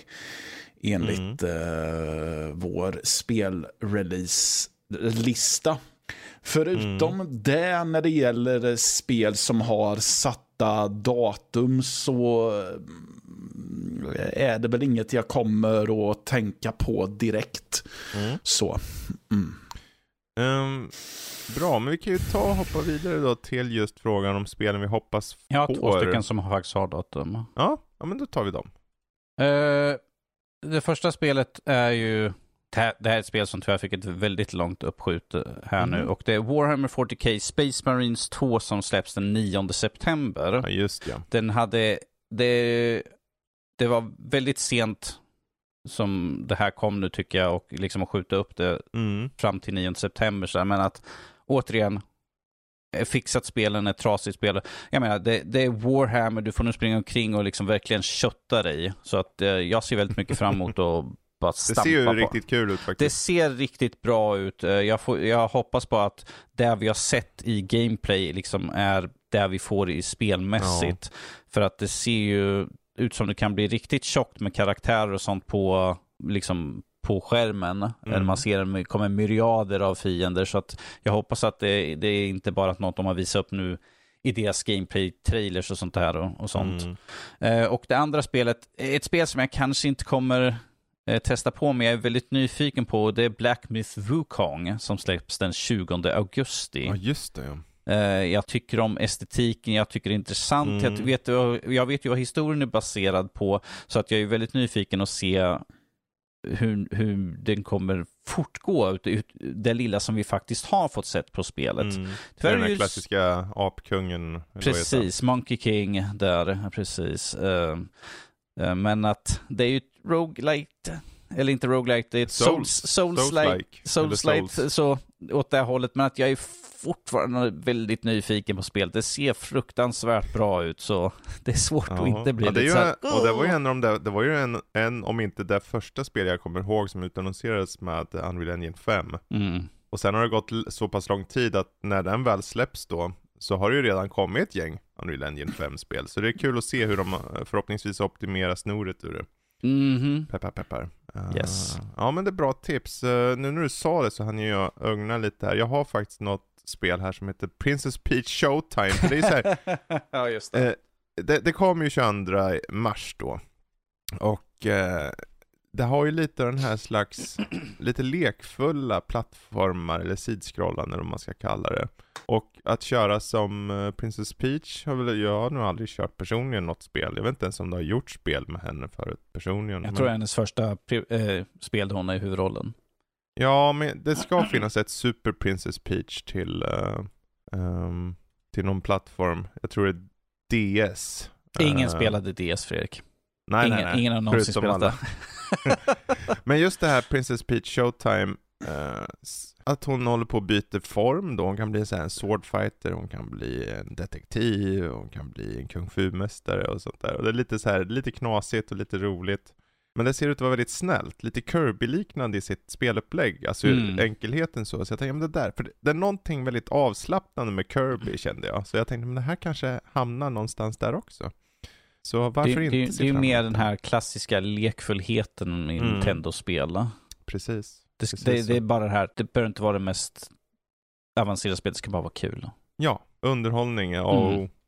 Och underhållning har ju inte ibland fått datum alls. Finns det några spel ni känner, ja men det här har inget datum eller uh, kanske har bara år, kvartal och så vidare. Finns det något ni känner här? Uh, ja, vi nämnde, ju, vi nämnde ju förut Outcast 2 New Beginning. Det har mm. bara 2024 finns ingenting sagt ännu. De har, ba, de har visat upp, släppt nya trailers med, med gameplay och sånt ifrån det. Precis. Men att fortfarande, vi vet inget exakt datum, uh, men att hoppas jag att det kommer snart. Oh. Sen har vi ju, som satt och väntade på The Game Awards, Senua Saga Hellblade 2. De visade upp spelet men fick bara ett mesligt 2024 i slutet på den, så att det ja, blev lite tröttsamt. Ja. Och vi har, jag tror att de flesta har sagt att det måste, de måste ha något problem där som de inte kan ge oss ett datum Ja. så här lång tid. Det har utvecklats sedan 2019. Så det är dags nu. Precis. Och den eh, sista som jag har som vi bara har datum är Star Wars Outlaws som är också Mm. sagt 2024 bara. Eh, kan ju mycket väl skjutas. Eh, det är ju ändå ett Ubisoft-spel. Mm. Det är visserligen Massive som gör det, men att det ligger under Ubisoft och man vet ju aldrig vad de kommer för dumma krav helt plötsligt. Släng, släng in det här nu. Så bara, Va? Vi är ju nästan klara med det. Ja, men fixa med det här. Precis. Nu är inte det de Jag- riktigt EA, men i alla fall. Mm. Så att det är nog, utav alla de här spelen jag räknar upp så tror jag att Star Wars Outlaws är det som jag ser störst chans att eventuellt skjuts upp. Jaha, jag, tror, jag skulle nästan tro att det är nästan den som faktiskt kommer. Ja. Nej, jag, jag känner Mm. att det, jag, jag tänker att det är Ubisoft och de har ett problem med att spel skjuts upp hela tiden. Ja, ja det är ju sagt förvisso att de ska släppa ett nytt Assassin. Mm. Så det hänger väl lite på det, att ha ett, eh, ett höstspel. Mm. Men eh, ja, för min egen del, jag märker ju här nu att de jag, sk- jag skrivit upp som bubblare ett gäng. Och vissa Ja. av dem har ju datum och vissa har inte datum. Men att, eh, eh, och ni, ni har ju egentligen täckt de flesta där nu. Jag Men- tänkte jag tar allt på direkten. Ja, nej men som har datum, som faktiskt inte hade datum fram till nyligen, det här Pacific Drive. Mm. Känner ni till det eller? Eh, nej. Man åker bil och ett slags roguelike med bil liksom. Och så går du av i vägkanten och så fixar du någonting med lite resurser. Och sen hoppar du in i den här gamla amerikanska Chevyn eller vad det är. Mm. Eh, Och så åker du vidare liksom. Och så kommer monster bakom och försöker ta dig. Så det är liksom en slags bil-roguelike. Eller roguelite. Eh, Och du kan uppgradera bilen och sånt. Och den, den släpps då i, i februari, 22 februari. Och jag, fan, den ser, det är ett koncept som jag tycker ser jävligt intressant ut. Faktiskt. Det ser ut att ta en ny vändning. Och om de hittar en balans i svårighet. För roguelike överlag blir lite tjatigt. Så jag tänker om det är en roguelite Mm. de lättar på det lite, då, då tror jag det kan bli riktigt unikt. Vad hette det sa du? Pacific Drive. Pacific Drive. Mm. Precis. Mm. Eh, sen har jag ju förvisso den här, jag har inte kört Mario vs Donkey Kong, det är ju någon remake. Mm. Eh, antagligen på någon sån här Wii eller någonting, eh, eller Wii U kanske rent av. Men att eh, av ren sån här Nintendo-vana så tänker jag, men äh, det vill jag väl köra, antar jag. Jag vet inte om det är värt att köpa det. Så, men det ser ut att vara väldigt le- lekfullt så, med bara att liksom, det är en slags pussellösande möter lite, eh, ja klassiskt Donkey Kong så. Mm. Ehm, så att det spelet, ehm, och sen då eh, egentligen ett datum som jag hoppas se, Little Nightmares 2. Mm. Tre menar du väl? Eller 3 menar jag. Ja, jag tänkte Precis. det. Den ska ju komma Mm. 2024 sa de. Mm. Ja. Så att eh, om den får ett datum, kanske till sommaren eller något, trean. Mm. Det vore ju nice, liksom. För den där, och det, de tar ju en ny vändning här, för de har gjort klart liksom ettan och tvåan med de här karaktärerna som var där. Och Ja. här ser det ut att vara nya karaktärer, så det är en ny berättelse. Och för den tonen de tog an där, jag ska Mm. säga, jag tyckte nästan det var det mest skrämmande spelet det året, tvåan alltså. Ja, ja, det var jättebra. Och jätteläskigt Så på sina det- ställen. Ja, Mm. så att jag hoppas jättemycket på ett datum för uh, Ja. Little Nightmares Eh, 2. det, Tre. det är en ny utvecklare där med, va? Eller? Mm, Eh, jag- det var, de de det. hjälpte till med de Mm. två föregående spelen, men att nu, är de, de, nu tar de över helt. Ja. Exakt. Mm. Eh, det var ju Supermassive. Mm. Precis. Supermassive Games. Mm. Så det var ganska så här, överraskande att de ska göra ett så pass gamifierat spel. För de brukar ju ha här, ja men du gör ett val här och sen går du med en kille i en väldigt tight miljö som du knappt kan interagera gud, med. Jag hoppas gör, att de liksom med folk. Jag hoppas att de inte går den vägen med Little Nightmares 3. Nej, det såg ut att vara ganska troget Ja, utifrån trailers. Ja, precis. Möjligen eh, att jag kan gå med på att de på något sätt hittar en frän kombo på det. Men ja, Ja, kanske det. mm. För in sin egen identitet. Eh, exakt. Mm. Ja. Har du något annat? Ja, jag har ju ett som jag känner, det har inget datum eh, spikat, eh, förutom Mm. att det tydligen ska komma 2024. Jag hoppas att det gör Mm. det och jag väljer det. eh, Jag säger det mest för att jag känner att jag också måste.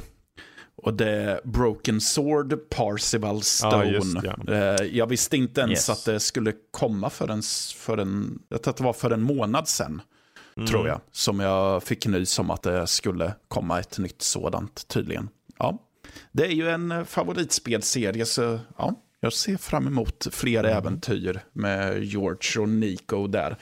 Eh, sen är det ett spel som, eh, ja, det är väl inte jätteunikt egentligen, men jag tycker att det ser intressant ut på ett sätt och det är Still Wakes the Deep. Ja, just det. Eh, Ja. så här, man är, på en eh, oljeplattform 1975 där det har skett en olycka och så ska man ut, eh, utforska vad det är som har hänt där och så är det en utomjordisk fasa som gömmer sig Mm. där tydligen. Mm. Ja. ja, just det. Så. Men då är ju frågan då, eh, om du inte hade något mer spel? Eh, nej, det är inte vad jag, kom, inte vad jag Ja, har. vi får se, för Jag jag- kom, på, jag, kom på, jag kom på ett till spel som... Ja, för jag vi tänkte fick- annars fråga om de mer vågade idéerna liksom. Men vi kan Det, det, här, ta... det här är ett vågat spel som jag inte tror eh, som faller Precis, för jag tänkte ju säga att eh, så här, om, om nästa fråga är typ de mer vågade idéerna, alltså spel då som troligtvis inte kommer men som vi hoppas får en release, Ah, okej. eller rent av bara en utannonsering. Mm. Ehm, Ja. vad hade du där då Danny? Marvels Wolverine, Mm. som blev precis utannonserat på The Game Awards, fick vi se uppvisningen där. Och vi, jag tror inte vi fick något datum, men Marvels Blade också. Jag tror, kommer inte ihåg ifall det fin, fick ett datum där. Nej, där fick in. Det är Det ju splitter nytt. Ja. Wolverine har ju ändå varit något, något år sedan där Mm. va? Liksom. Ja, men den har vi i alla fall där. Mm. För den visar ju upp 2021 först. Precis. Så, men att vi vet ju fortfarande, vi har ju fortfarande inte sett någonting mer ifrån det, så att det är ju fortfarande väldigt mycket upp i luften. Det, fördelen här är ju att jag tror att chansen är väldigt stor på grund av att det är Insomniac och Mm. Insomniac har släppt nästan ett spel per år de senaste åren. Ehm, och eh, de har ingenting nu för första gången. Liksom. Så att det finns en chans faktiskt att den, den kommer Mm. i år. Mm. Vad har Sony? Vad har Sony det här året? Det har vi ställt oss nu ett par veckor här nu. Vad har de för någonting egentligen? Ja. Det, det är väldigt tomt vi på vet deras... ju ingenting om Sonys uh, line-up för eh, nästa år liksom nästan. Alltså särskilt inte andra halvan. Vi vet ju Final Fantasy, sure. Men hur ser det ut i övrigt? Mm. Jag tänker Wolverine kan vara. Annars, jag hoppas ju bara på ett nytt fräscht IP från Sony. Om Ja, jag ska vara helt ärlig. ja, och Final Fantasy är det ju ingen som kommer spela i alla fall. Så. det kanske är din uh, årets besvikelse nästa år.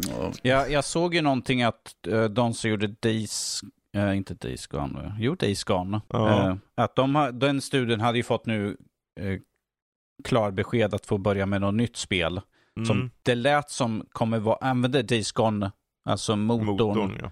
och liksom de kommer använda samma upplägg där igen. Så det är ju frågan ifall det är som en, en, en spirituell uppföljare eller något sånt Mm. där. För att det lät ju som de ville köra vidare på. För de var ju som sagt, de, fick ju, de blev ju nedskjutna av Sony ganska hårt på grund av dåliga De hade försäljningssiffror. blivit frågade och de sa att det kommer absolut inte ha något med Days Gone att göra.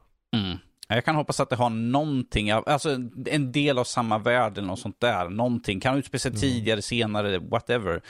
Eh, Så att man kanske eventuellt kan liksom bygga någonting där. Eh, Skulle jag tycka var intressant. Men jag, jag ser väldigt mycket fram emot, jag tyckte väldigt mycket om Days Gone. eh, Och jag ser väldigt mycket fram emot vad de har för någonting att, vad de kommer göra helt enkelt. Mm.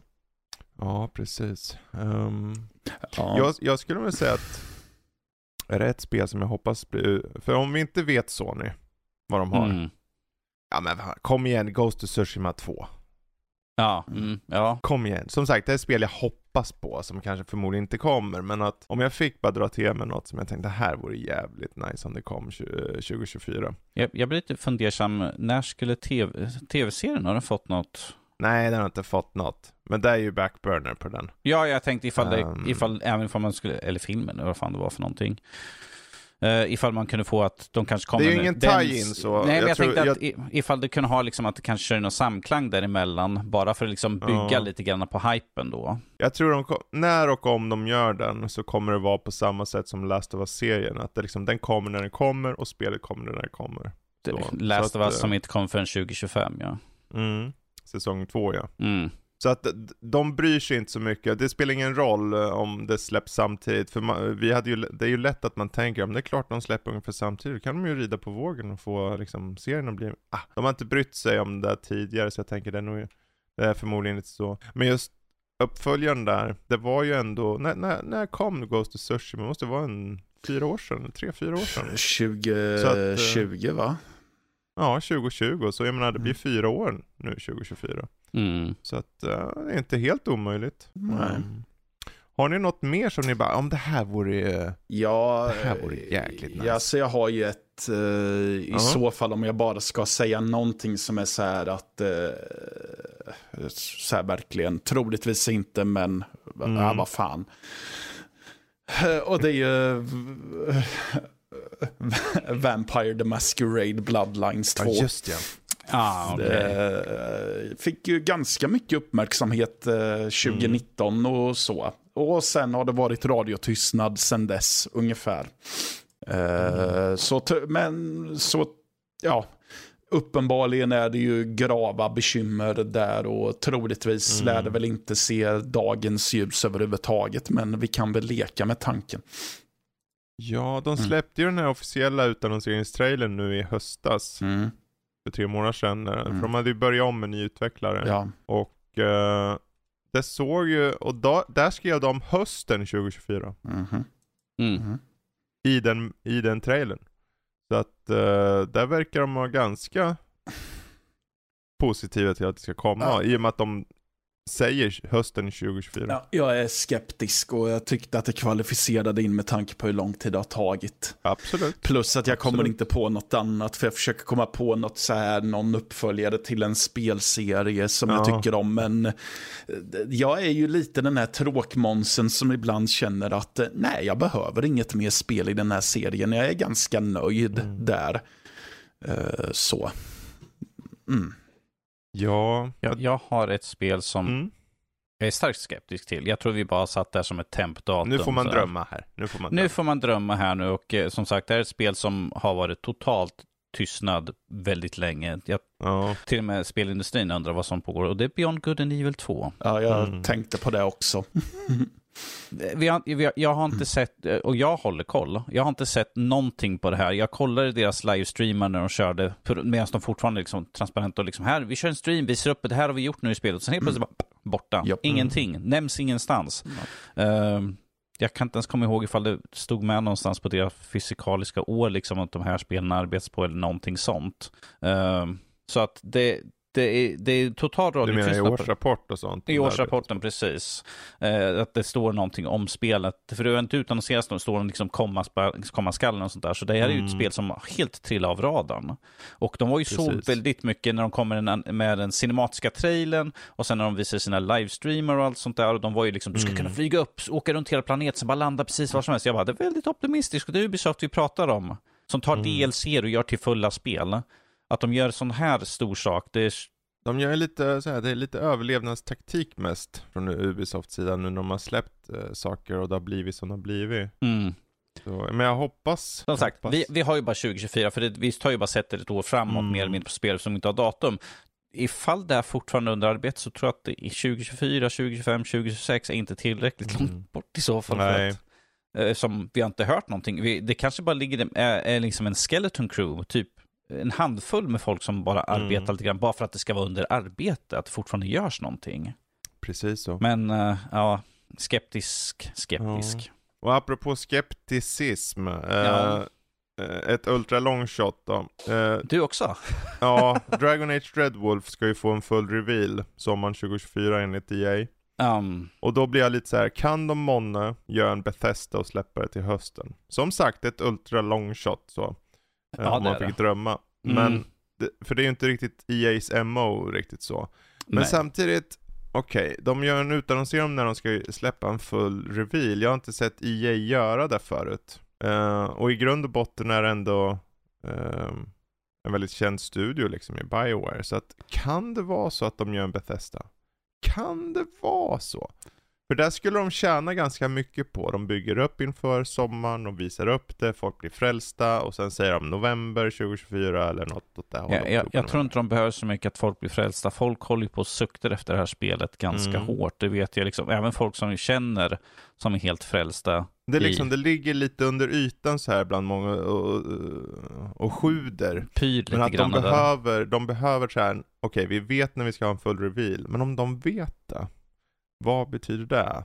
Tänker jag att många av de här som sitter där och sjuder mm. tänker. Eh, och jag blir lite så här, men det kanske finns en värld där Dreadwolf faktiskt får en sån där Bethesda-liknande, typ som Fallout 4 hade. Utannonsering på sommaren, släpps det mest, på hösten. Det mest önsketänkande är liksom, här är våran reveal. Ja, är det inte fantastiskt? Det, det, är jättekul. Tyvärr får ni vänta tills oh, om två timmar för då släpps spelet. Ja, ja jo, men då får de ju inga pre, uh, vad heter det, förförsäljning. Ja, jo.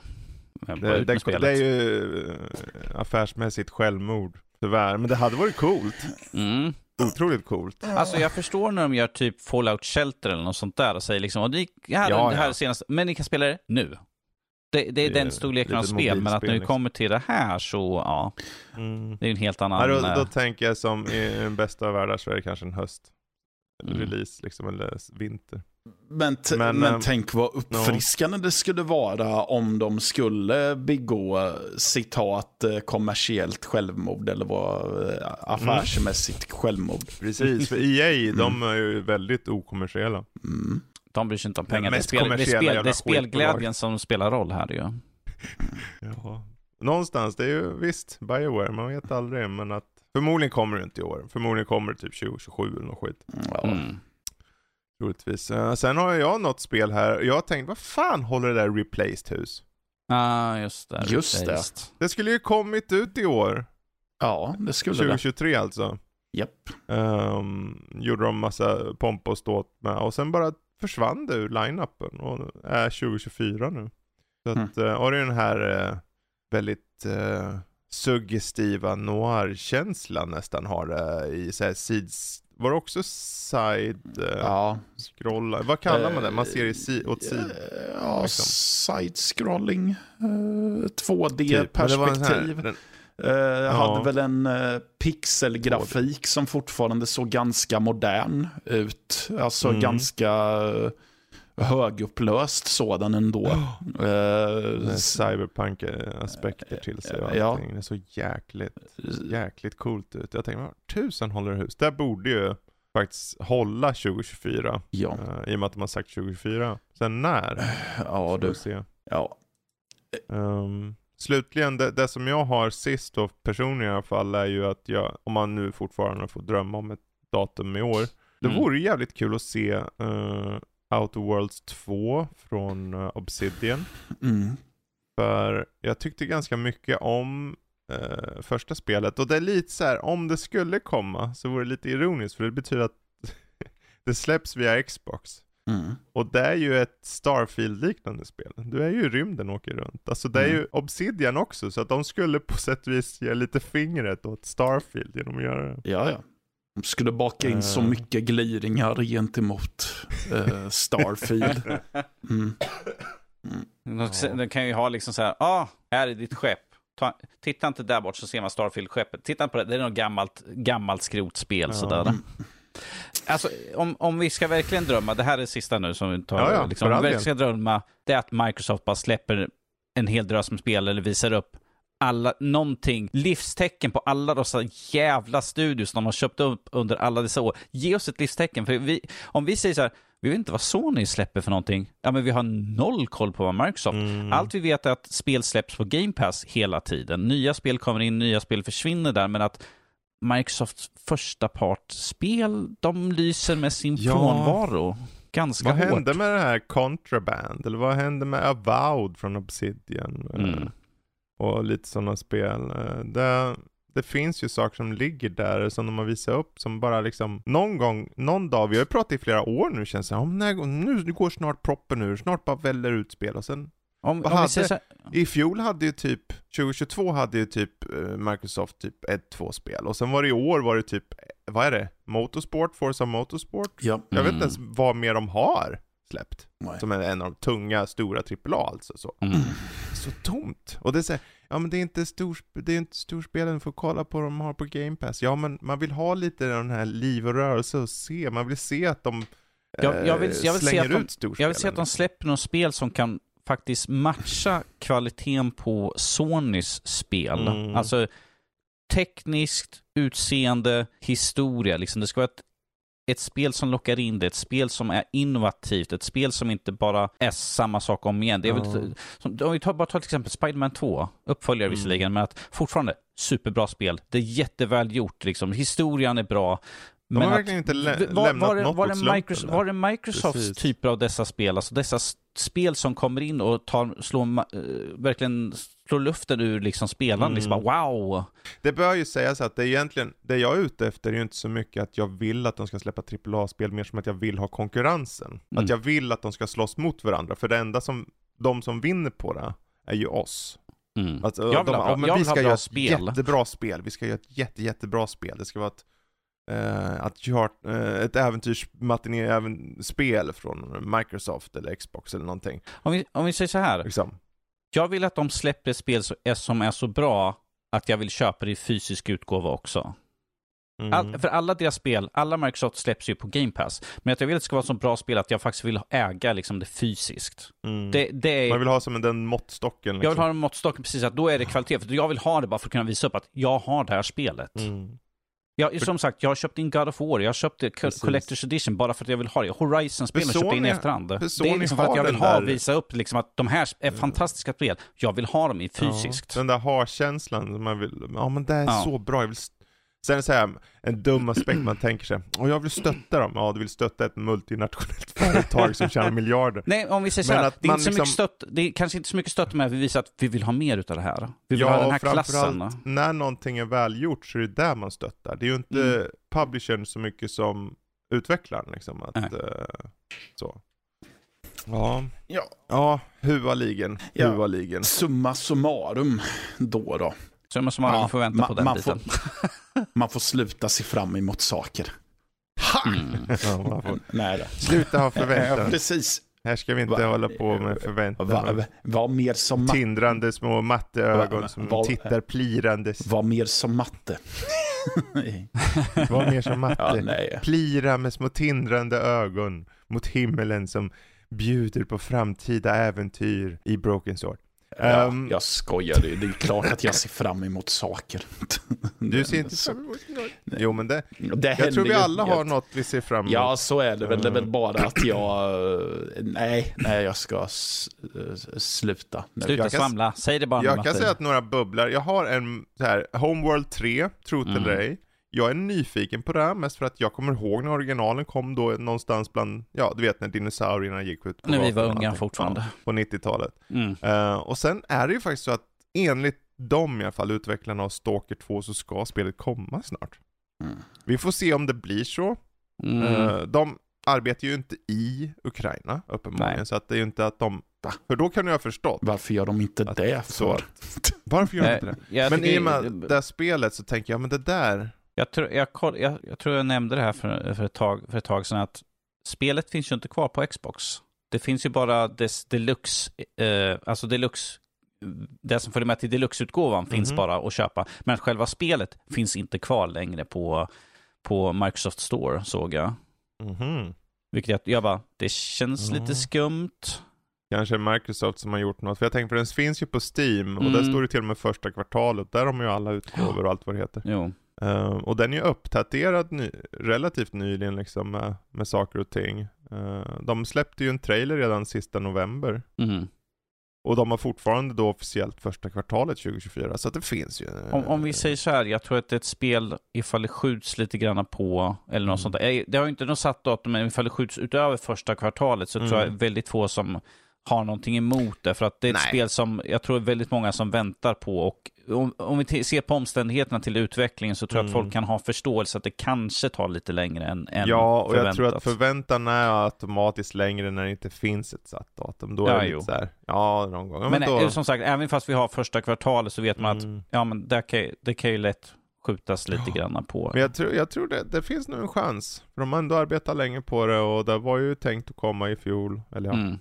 I år beroende på hur man lyssnar Ja. på det här avsnittet. Ja. Ehm, ja, det är kul att kolla in i den där lilla glaskulan och se vad som kommer på horisonten. Eh, sen huruvida de här spelen som vi sitter och drömmer oss eh, kring eh, faktiskt blir bra spel. Eh, ja, det återstår ju att se. Vem vet? Princess Peach kanske är som Flashback 2. Ja, jag, tror, jag tvivlar ganska starkt på det. Jag tvivlar ganska starkt på det, att det är på den nivån. För att det är Nintendo överlag så håller de god kvalitet. Så att- Ja, så men, eh, vi, vet, vi vet ju att eh, det nya året kommer innefatta besvikelser också. Det är ju ofrånkomligt Ja. med. Är det ju. Och där sitter vi ju Mm. om ett år, när vi ska spela in ett liknande avsnitt som vi säkert gör. Om inte annat så pratar vi det i vanliga podden. Liksom så, Ja, det här spelet var verkligen, det såg jag fram emot. Åh gud vad jag såg fram emot det här. Men, och sen hör man Danny bara, ja, nej. Ja. Rabbit. Nej, jag vet inte. Det här var fan inte Ja. bra. Alltså. Jag visste hela tiden att det skulle vara skit. Jag kanske Ja. vågar det, eller jag vill verkligen inte att spela. Som sagt, de spelen som jag tog Nej. upp på besvikelser var ju faktiskt spel som hade potential, men det är, bara synd att, det är synd att de tyvärr inte var tillräckligt bra. Mm. Men som jag sa, det går att fixa dem. Det finns Ja, fortfarande det- sätt att fixa. Och sen är det ju, som, som vi sa förut, det är en individuella besvikelser Mm. också. Liksom, så. Men eh, bra, då har vi snackat på bra här. Jag menar julen som sagt står bakom oss och när ni lyssnar på det här, om det är på nyårsafton när det släpps eller senare, om inte annat får vi säga gott nytt år.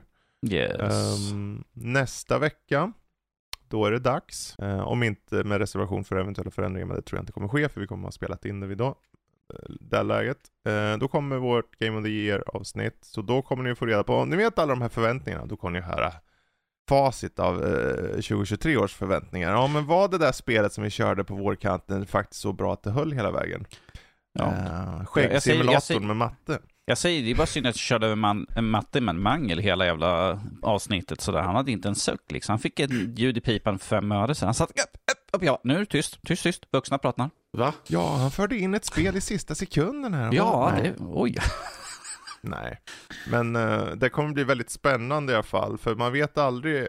Vi kommer ju vara peppa peppar runt 5-6 pers och mixa upp det lite sett till vilka som är med. Så att förhoppningsvis så blir det en ganska intressant avsnitt med lite varierade åsikter och uh, om något kontroversiellt sker har jag faktiskt ingen aning om. Men eh, det märker ni om en vecka. Det får, Det är vara, någon i sista sekund slänger in Flashback 2. det får vara hur Ja, kon- lycka det till. får vara hur kontroversiellt det vill, så länge alla håller med mig. Ja, så du menar alltså att du vill, ja då är det Killer Frequency kommer han att yrka på. Är det det som ska bli bästa spelet för i år? Nej, vet nej, inte bästa spelet. Det är...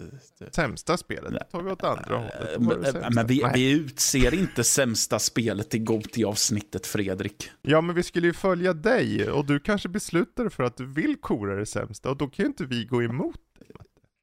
Nej, okej. Då, då vinner du chokladbiten. Okej. Eh, L- Tears of the Kingdom är sämsta spelet i år ändå. Oj oj oj. Ja nu ska vi nu inte, bi- vi får bita våra tungor nu för nu, nu går vi in på uh, saker och ting vi inte ska snacka om Nej, kanske. Men, jag skojade bara. Mm. ja det är klart. Det ser som det en, liten, nu. som en liten tease på hur det kommer låta. Ja, det kanske låter så. Vem vet? Mm. Men det var jättekul att snacka lite om de negativa upplevelserna, eller besvikelserna, men också vad vi ser fram emot. Och eh, jag hoppas än en gång att ni får ett gott nytt år och att eh, Danny och Matte har även de ett fint nytt år och så ska jag försöka ha det också. Så hörs vi igen Mm. om en vecka. Mm. Hej då. Yes. Toodaloo. Hej.